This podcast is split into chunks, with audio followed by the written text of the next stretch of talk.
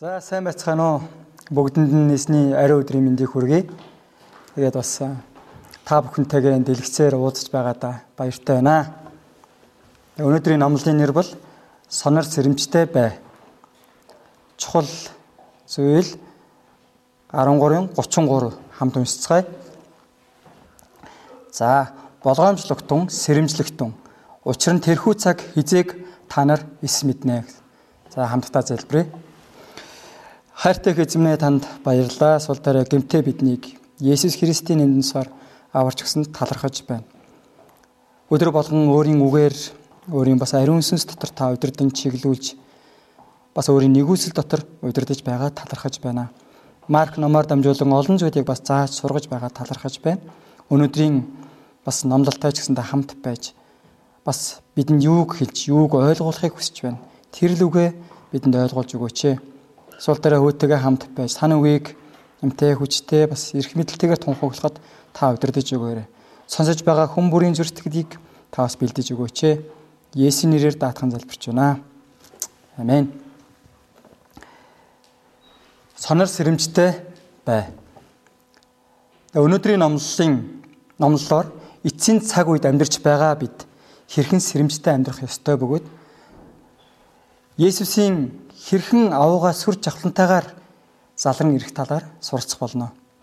Нэгдүгээр хэсэг сүр жавхлантайгаар ирэх Иесус. 14-өөс 27 дугаар ишлэл. Нэгэн өвгөн эмгэн хоёр гэрлээд 60 жил хамт амьдэрсэн. Тэд э, өдөр болгон дасгал хөдөлгөөн хийж бас хоолны дэглэм сайн баримталдаг байсан учраас маш эрүүл сарвал байжээ. Нэг өдөр тэд авто автомашины ослоор нас барсан байна. Тэгээд Диваажинд очоод Петертэй уулзсан. Нэгэн байшинд очижээ. Байшинд асар том галт тогоо гоёмсог өрөө тансаг сайхан тавилгууд байхаж. Мэдээж тэнд тэд тэдэр амьдрахад шаардлагатай бүхий л зүйлс байсан байна. Нөхөр нь ямар сайхан байшин бэ гэж гайхан биширч тэгснэ. Бид нар энд амьдрахын тулд хэдийг төлөх вэ гэж асууж гин. Петр хариуд нь Деваажин шүү дээ. Ганцч зоос хэрэггүй гэж хэлсэн. Тинхүү тэднийг дагуулan гадуур явж тэдний дуртай бүх газруудыг үзүүлж тэр болгонд л Петр энэ бол үнгүй энэ бол Деваажин шүү дээ гэж хэлдэг байлаа. Сүүлд нэгэн тансаг сайхан буфет хоолны газар оров. Тэнд тэдний үзэж байгаагүй, амсаж үзээчгүй маш сайхан олон тансаг сайхан хоолууд байв. Хавч, авраг загсны сэлүүр, шин төрлийн загснууд, гайхалтай чимгэлсэн төрөл бүрийн амтад ногоонууд, саяхан барьсан өөрмөц шин талах, амттан, десертүүд гээд маш олон сайхан хоолууд байлаа. Өвгөнч энэ бүхнийг хараад учраа олохгүй алмаар нь зогсон. Тэгээ өвгөн энэ хоолнуудын төлөө хэдийг төлөх вэ гэж асуув. Петр ойлгохгүй байна уу? Деваажин шүү дээ. Хоол унд бүх юм үнэгүй гэж хариулв. Харин өвөө ойлголаа ойлголаа. Тэгвэл өөх тос бахтай илчлэг багтай хоол хаагур байгаа болоо гэж асуув. Петр огтхон ч эргэлзэлгүйгээр энд хичнээн ч ицсэн уусан ч та таргалахгүй өвчлөхгүй гэж хэлв. Өвгөн уцаргүй баярлан малгайгаа шалан дээр хаяал тэгэл дэвсэлж хашгичж цовцож эхлэв. Эми Петр хоёр түүнийг тайвшруулах гэж хичээж хичээж арай гэж тайвшруулад өвгөн их нэртэй тэгж гин. Чамаас боллоо. Хоолны дэглэм барьж амтгүй хоол иддгүү байсан бол хоёула 10 жилийн өмнө энд ирчих байсан байх шүү дээ гэж хэлжээ. Энэ мэдээж э, одоо зохиосон яриа ойлгосон байх тий. Үүгээр эрүүл мэндэд анхаарч урт наслах хэрэггүй гэж хэлэх гээгүй. Харин Яваачнд бидний юу хүлээж бүг мэдээсэй гэж хүсэж байна. Бурхны улсад бүх зүйл хангалуун бөгөөд юугаарч дутахгүй. Тэнд уйтхар гуниг, өвчин зовлон, өлсгөлөн, ядуурл, үхэл хагцал, хэрүүл маргаан, үзэн ядалт зэрэг муу мухай юу ч байхгүй. Тэнд таргалалт гэж байхгүй. Тэнд хүмүүс хоорондын үл ойлголцол гэж байхгүй. Тэнд гимба, бузар муу гэж байхгүй. Харин бүх зүйл элбэг хангалуун, сайн сайхан, амар амгалан, баяр баясгалан болон өршөөл уучлалаар дүүрэн хайр ба шудраг байдал зэрэг бүх зүйл төгс сайхан байх болно. Тийм ээ. Бурхны улс ба деважин бол бидний хүсэл найдвар ба баяр баясгалан юм. Есүс дахин ирэх тэр мөч бол үнэхээр баяр хөөр ба хүсэл найдварын өдөр байх учраас үүнийг итгэж бүхэн тэсэн ядан хүлээж Есүсийг хурдан ирээсэ хэмээн хүс тэмүүлэх хэрэгтэй гэсэн үг. Харин үүнээс өмнө юу болно гэж хэлсэн бэ? 14-өөс 23 дугаар ишлэгийг үзээрэй.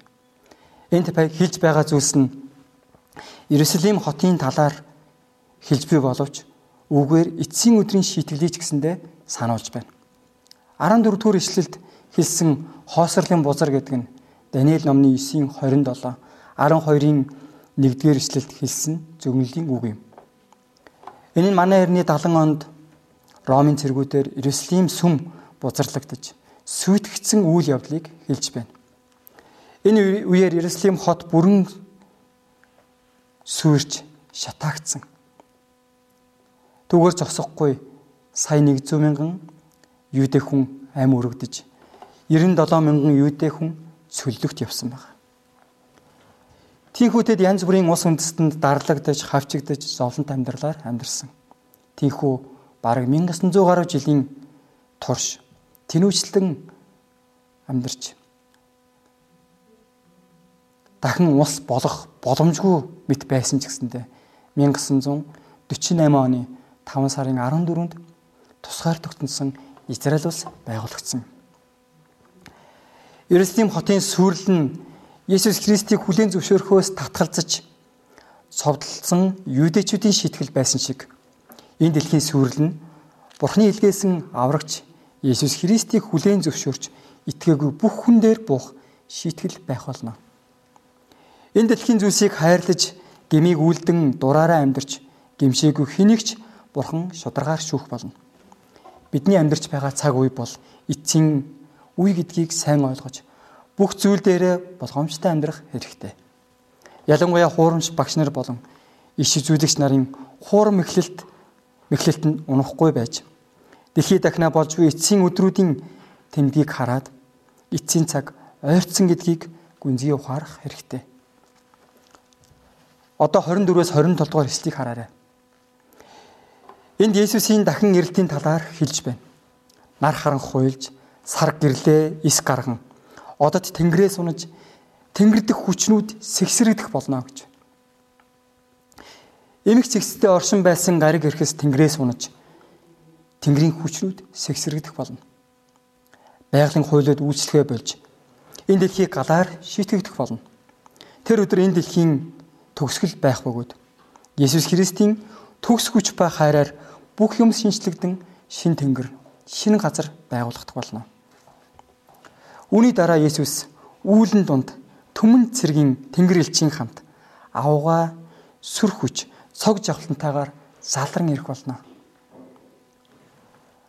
Анх эрэхтэй малын сарвчанд хиндэж мэддэхгүйгээр төлөв даруугаар чимээгүйгээр ирсэн бол харин дахин эрэхтэй нэг улс эсвэл нэг газар нутагт хязгаарлагдахгүйгээр бүх хүний нүдний өмнө ил харагдахаар сүр жавхлантайгаар дахин ирэх болно.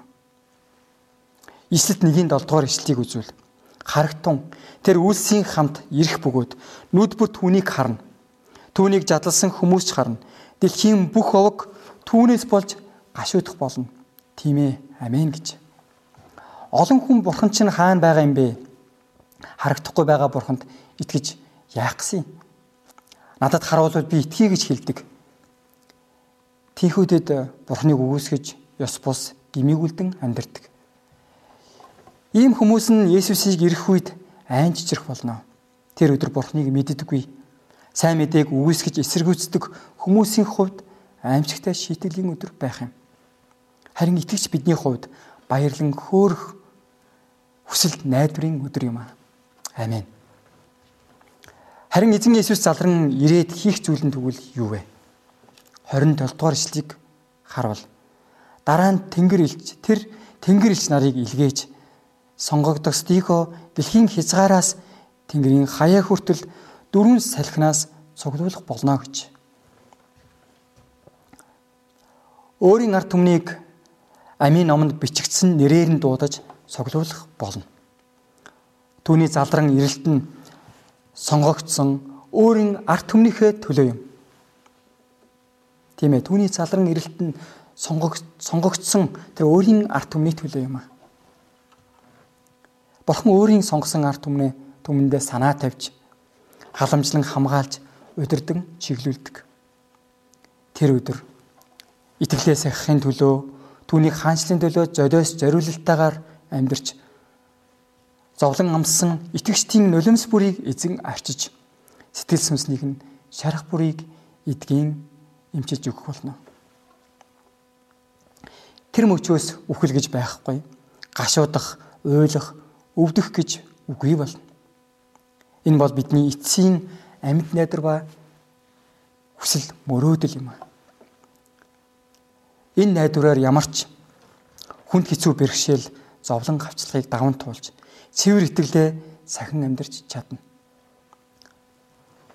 Энэ найдвараар бид нар ямар ч хүнд хэцүү бэрхшээлийг даван туулж чадна. Амен. Мөн энэ дэлхийд амсаж байгаа зовлон ба хавчлаг, ичхүр ба доромжлоос огт айх хэрэггүй. Харин бид толгоогоо өргөн баяр хөөр ба хүсэл найдвараар дүүрэн Есүсийн дахин ирэлтэнд бэлтгэх хэрэгтэй. Тэр өдөр бидний хувьд ялалт ба алдрын өдөр байх болно. Тэр мөчөөс эзэн Есүс биднийг үнэн шударгаар хайраар мөнхөд захирах болно. Йохан 14-ийн 3 дугаар ишлэлд Би явж та нарт орон байр бэлтчихвэл дахин ирж та нарыг өөртөө авна. Би хаана байна? Та нар мөн тэнд байх болно гэж хэлсэн. Энэ амлалт биелэх болно. Энэхүү амлалт ба хүсэл найдвар нь бидний итгэлийг хизээч өсөрдүүлэхгүй гэдэгт бат итгэж байна. Бид энэ хүсэл найдвараа алдахгүйгээр энэ дэлхийн ямар ч хавчлага ба зовлон бэрхшээлийн дунд цэвэр итгэлээ сахин амьдарч чадахыг хүсэн гуйж байна. Амен. 2 дугаар хэсэг сонор сэрэмжтэй бай. 28-аас 37 дугаар ишлэл. Инжирийн мод нахаага дэлгэхэд хавар ирж буйг мэддэг шиг эзэн эрхийг мэдж буй бид яаж амьдрах ёстой вэ? Өнөө цагт эцсийн өдрийн шинж тэмдэг бидэнд тодорхой үзэгсээр байна. Гэхдээ үүнийг харсан ч мэдсэн ч бид хэсэг хугацааны дараа мартан тайвширч сэтгэл амарч болох юм. Корона өнөөдөр хүмүүсийг айлгаж байгаад алга болно. Газар хөдөлж байгаач хэсэг хугацааны дараа мартагдана. Монголын улс төрийн орчинд ойлгомжгүй хэцүү асуудлууд байгаач нэг өдөр намжиж цэгцрэх болно. Гэхдээ Бурхны үг ба амлалт хизээч өнгөрөн одохгүй бөгөөд мөнхөд хэвээрээ байх болно. Амен. Энэ бүхэн тохиолдож байгаа нь бид бүхнийг улам бүр сэрэмжтэй байж хичээнгүүлэн залбираасаа гэсэндээ. Энэ дэлхийд болж байгаа гаяг амшиг, дайн дажин, хавчлага ба бурхан хүмүүст хавчлах нь бол хавчлах нь бурхан хүмүүст хайртай учраас гимшиж ирээсэ түүнийг таньж мэдээсэ гэсэндээ. Бидэнд тохиолдож байгаа коронавирустэй холбоотойгоор хөл хорой түүний дагаад ажилгүйдэл хүчирхийлэл, үлсгэлэн, айдас болон санаа зовл зэрэг нь Бурхныг эрен хайх зүрстгэлийг өгөхийн тулд юм аа. 32 дугаар ишлэгийг үзээрэй. Харин төр өдөр цагийг хинч эс мэднэ. Тэнгэр элчүүд ч хүүч мэдэхгүй. Зөвхөн эцгэл мэднэ гэсэн. Бидэн эзэн Есүс ирэх цагийг мэдэхгүй. Үнийг мэдж байгаа хүн байна уу? Тийм ээ, хэн ч мэдэхгүй. Зөвхөн эцэг бурхан л мэднэ. Харин ирэх нь гарцаагүй бөгөөд тун ойрхон байна. Харин Есүсийн ирэх дахин ирэхийг хүлээж байгаа итгэгчид хэрхэн амьдрах хэрэгтэй вэ? 33 дугаар ишлэгийг хамтдаа уншицгаая. 33-ыг хамт уншийе. За эхлэе. Болгоомжлогтун, сэрэмжлэгтун. Учир нь тэрхүү цаг хизээг та нарыг мэднэ. Тийм ээ. Болгоомжлогтун, сэрэмжлэгтун. Учир нь тэрхүү цаг хизээг та нар эс мэднэ гэсэн байна. Энэ ишлэл болгоомжлогтун, сэрэмжлэгтун гэж хэлсэн баг. Эзэн Иесус хизээ ирэхийг мэдэхгүй учраас бид нар болгоомжтой, сэрэмжтэй байх нь чухал юм. Хэрвээ эзэн хизээ ирэхийг тодорхой хэлж өгсөн байсан бол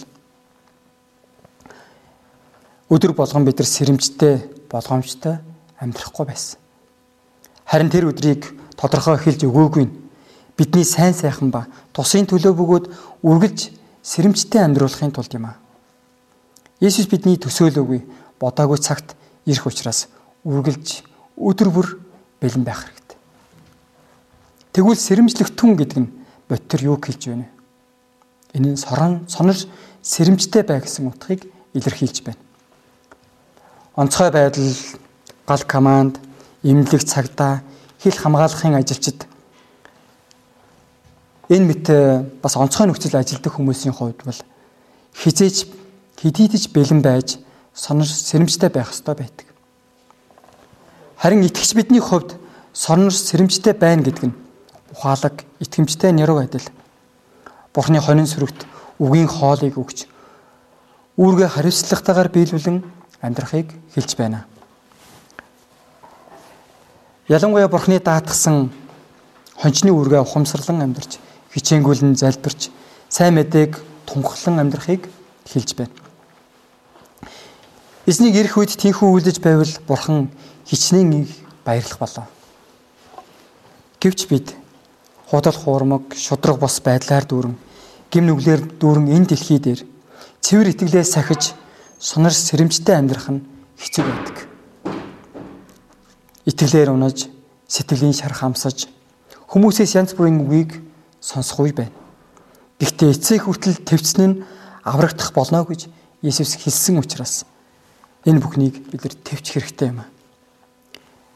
Твчин гэхлээр шүд зун амаа хамхиж юу ч хийлгүй зүгээр суух бас харин идэвхтэйгээр сүнсний тэмцэл хийж Бурхны үгийн дагуу амьдрахыг хэлж байна. Харин эсэргээрээ идэвхгүй амьдрал махбодын назгаарл залхуурал давтаж энэ дэлхийн өнгөрөн одох зүйлсэд хүлэгцснээрээ сүнсний мэдрэмжгүй болж сүнсний хараамж сохрох болно. Тийм учраас сонор сэрэмжтэй амьдрах хэрэгтэй юм. Тийм ээ. Сонор сэрэмжтэй амьдрах хэрэгтэй хажууд хүмүүстэй бас хэлцгээе те. Сонор сэрэмжтэй амьдрцгаая гэдэг. За хэрвээ би жаахан ч гэсэн сэрэмж алдвал сатааны уруу татлага ирж залхуурал, үл итгэл, дуулуургүй байдал, айдас болон санаа зовлт гмийн хүлээст автагддаг. Өглөөний гуйлтанд орсмаар байвч шүнжин фэйсбુક ухаж YouTube-ийн бичлэг кино үзснээр нойроод илтгэв. Библи унших гэтэл сатан хүний үгсийн ном болон бестселлер номуудыг уншиж өөрийгөө хөгжүүлэх хэрэгтэй шүү дээ гэж шивнэ. Өдөр бүрийн хоол идэж сэтгэл бичих гэтэл подкаст сонсож хэл сурахтаа цаг зарцуулсан дээр биш үү гэж бодогдно. Мэдээж ном уншиж, подкаст сонсож англиас сурах нь өнөө цагийн залуусын заавал хийх ёстой зүйлс болсон бөгөөд бид улам хөгжиж цаг үетэйгээ хөл нийлүүлэн алхах хэрэгтэй. Гэхдээ итгэгч бидэнд юу хамгийн чухал вэ гэдгийг бодож сүнслэг кол, сүнслэг ажил ба Бурхны хаанчлыг нин тэргуунд тавих хэрэгтэй юм. Матай 6-гийн 33-д хэлсэн байдаг. Гагцгүй эхлээд Бурхны хаанчлал ба зөвхт байдлыг хайхтун гэж хэлсэн. Учир нь эцсийн өдөр бурхан биднээс хідэн дагалдагч босгосон бэ? Хэрхэн зөвхт ариун амьдралаар амьдрсан. Хичнээн хүн сайн мэдээг тунхагласан. Хэрхэн итгэлийн сайн тэмцлэр тэмцэж ялалт байгуулан амьдрсан. Хэр зэрэг сүнсний үржимсийг гаргасан бэ зэргийг хамгийн түрүүнд асууна. Энэ бүхэн нь Бурхны биднээс нин төрөнд хүсэж байгаа зүйлс учраас дээрх зүйлсийг зөрсдөглийнхээ тэрүүн байранд тавьж сонор сэргийг амьдрцгаая. Матай 25-ын 1-ээс 13-д 10 охины талаар сургаалт зөвлөлийг өгүүлсэн байдаг. Сүд бүсгийн найзууд нь дэнлүү асан шинэ хөргөнийг утгаар гардаг. Харин тэдний 5 нь ухаалаг, 5 нь мунхаг байсан. Мунхаг 5 нь ямар ч бодолгүй зөвхөн одоо байгаа нөхцөл байдлыг л харж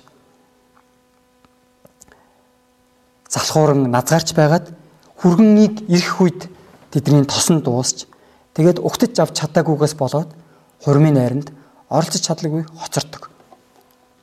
Харин ухаалаг 50 5 нь дэлгүүнийхээ тосыг дүүргэн хэрсэн ухаанаар ирээдүйд бэлтгэснээр хүрнийг ирэх үед баяртайгаар угтан авч найранд оролцдог байгаа.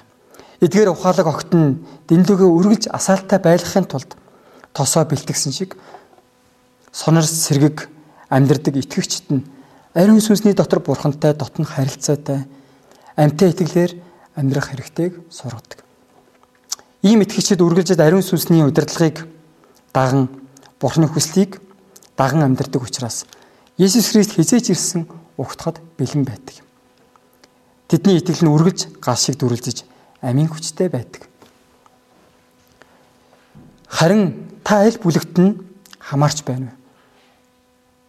Ухаалаг огтуд шиг байна уу эсвэл мунхаг таван охин шиг байна уу? Есүс Христ өнөөдөр орой ирвэл та бэлэн үү? Бид өдөр бүр эзний эрэлтэнд бэлэн байх хэрэгтэй. Хэрэг ингэж амьдрвал муу хэлэгдэж, үзэн ядагдаж, хараалгаад чамаагүй, хайртай дотны хүмүүстэй, найз нөхөддөө, оюутан залууст хичээнгүүлэн сайн мэдээг тунхаглахгүй гэж. Мөн бид нар бид өдөр бүр зөвхт ариун амьдралаар амьдрахыг хичээхгүй гэж. Хин нэгнийг үзэн ядаж уучлаагүй байтал эсвэл хэнийг ч хараагүй байхад шудраг бус гин болон завхаарлыг үлдэж байхад садар самуун сурчилсан видео кино үзэж байхад архитан согтуурч хэрэлдэн зодолж байхад Есүс ирвэл яах вэ? Эсвэргээрээ Библийн хичээл хийж байхад, залбирч байхад, Библи уншиж байхад, өдөр бүрийн хоол идэж, сэтгэл бичиж байхад, сайн мэдээг тунхаглаж, хондын төлөө хичээнгүүлэн үйлчиж байхад, сайн үйлсийг хийж байхад Есүс ирвэл хичнээн сайхан байх вэ. Мөн ажлаа шударгаар чин сэтгэлээсээ хамгийн сайнаар хийж байхад, хичээлдээ шамлан, шаргуу зүтгэлтэйгээр суралцж байхад Есүс ирвэл хичнээн сайхан бэ. Бурхан биднээс онцгой зүйлийг хүсээгүй. Харин өөрт оногдсон үүрэг загламгаа итгэмжтэйгээр үүрч Бурханыг гэрчлэн амьдраасаа зөвхт ариун амьдралаар Бурханыг хайрлан амьдраасаа хэмээн хүсдэг. Тиймээс энэ цагт эзэн Иесус дахин ирэх тэр цаг хүртэл сонор сэрэмжтэйгээр амьдрч чадахыг хүсэн гуйж байна. Миний хувьд коронавигоос болоод ажил зогссон байгаа боловч сүнсний хувьд залхуурал ба нацгай байдалд автан сонор сэрэмжгүй амьдарч байгаагаа олж харлаа. Мөн Бурхны хаанчлалд санаа тавихаас илүүтэйгээр энэ дэлхийн зүйлсэд илүү их анхаарч үл итгэл ба санаа зовлттой амьдарсан зэрэг өөрийн сул дорой байдлуудынхаа төлөө гэмшиж байна. Өдөр бүр сүнсээр сэргэг байж амьтай хүчтэй амьдарч чадахыг хүсэн гуйж байна. Дүгнэлт. Энэ цаг үе бол эцсийн цаг үе юм аа. Есүс удахгүй сүр жавхлантайгаар залран ирэх болно. Амен. Та итгэж байна уу? Учир нь тэр амлалтанда итгэмжтэй юм. Тэр сонгогчдын төлөө сүр жавхлантайгаар залран ирж бүх хүнснийг шүүж мөнхийн хаанчлалтаа биднийг аваач болно. Тиймээс бид энэ л хүсэл найдар ба мөрөөдөлтөөр өдөр бүр итгэлээ сахиж сонор сэрэмжтэй амьдарч чадахыг хүсэн гуйж байна. Ялангуяа бүх үндэстний авралын төлөө итгэгчид бүрэн бүдрэн төөрөлдөхгүй байж тууштай итгэлийн замаар явж ариун үр жимс хураан авахын төлөө залбирцгаая. Өнөөдөр дэлхийд дахинд дайн байлдаан, газар хөдлөлт, өвчин тахал, өлсгөлэн ядуурл, алдаг, хавчлаг, ёс бус байдлууд улам нэмэгдэж байна. Тэрч байтугай итгэгчдийн хувьд ч гэсэндээ сүнсээр ялзарн доройцоор байна. Харин эцсээ хүртэл итгэлийнхээ цэвэр байдлыг сахин твцсэн нь аврагдах болно. Тиймээс бид бүхэн эцэс хүртэл сүнсний тэмцлийг хийж ялангуяа эзний даатгсан хончны үүргийг итгэмжтэйгээр биелүүлж байгаад сүр жавхлантайгаар ирэх Есүсийг угтаж чадахыг хүсэн гуйж байна. Амен. Хамтдаа залбирцгаая. Хайртай их эзэмнэ тандаа баярлалаа. Эцсийн цаг үед амьдарч байгаа бид бүхэн хэрхэн сонор сэрэмжтэй амьдрах талаар энэ цагт заан өгсөн талархаж байна бид нар өдөр болгон сүнсээр сэргэг амьд итгэлээр хүчтэй амьдарч энэ дэлхийг ялан дийлж энэ дэлхийн уруу татлах гмийг бас сүнсээр бас итгэлээр даван туулж ялалт байгуулдаг амьдралаар амьдрахад та биднийг удирдах өгөөрэй. Эцсийн цаг үед амьдарч байгаа бид өдөр болон сүнсээр сэргэг байхад та биднийг улам илүү хүчрхжүүлж өгөөч гэж гуйж байна таны даатгсан үүрэг тэр загламыг итгэмжтэйгээр үүрч бас таны өмнө төлөв даруугаар итгэлээ сахин амьдрахад та удирдах өгөөрэй гэж гуйж байна. Тэгээ энэ цагт таны дахин ирэлтийг тесэн ядан хүлээж тэр хүсэл найдвар дотор итгэлээ сахин амьдрахад та биднийг удирдах өгөөрэй. Тийм ээ. Та бол амлалтандаа итгэмжит. Тийм учраас таны амлалт заавал биелнэ гэдэгт бид итгэж байна. Энэ л итгэл хүсэл найдвараар бид тууштай амьдрахад та удирдах өгөөрэй. Энэ цагийн төлөө талархаж байна. Есүс Христийн нэрээр даатхан залбирч байна. Амен.